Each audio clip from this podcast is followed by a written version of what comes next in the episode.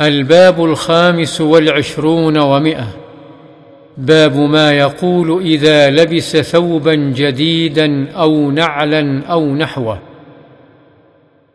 عن أبي سعيد الخدري رضي الله عنه قال كان رسول الله صلى الله عليه وسلم إذا استجد ثوبا سماه باسمه. عمامة أو قميصا أو رداء.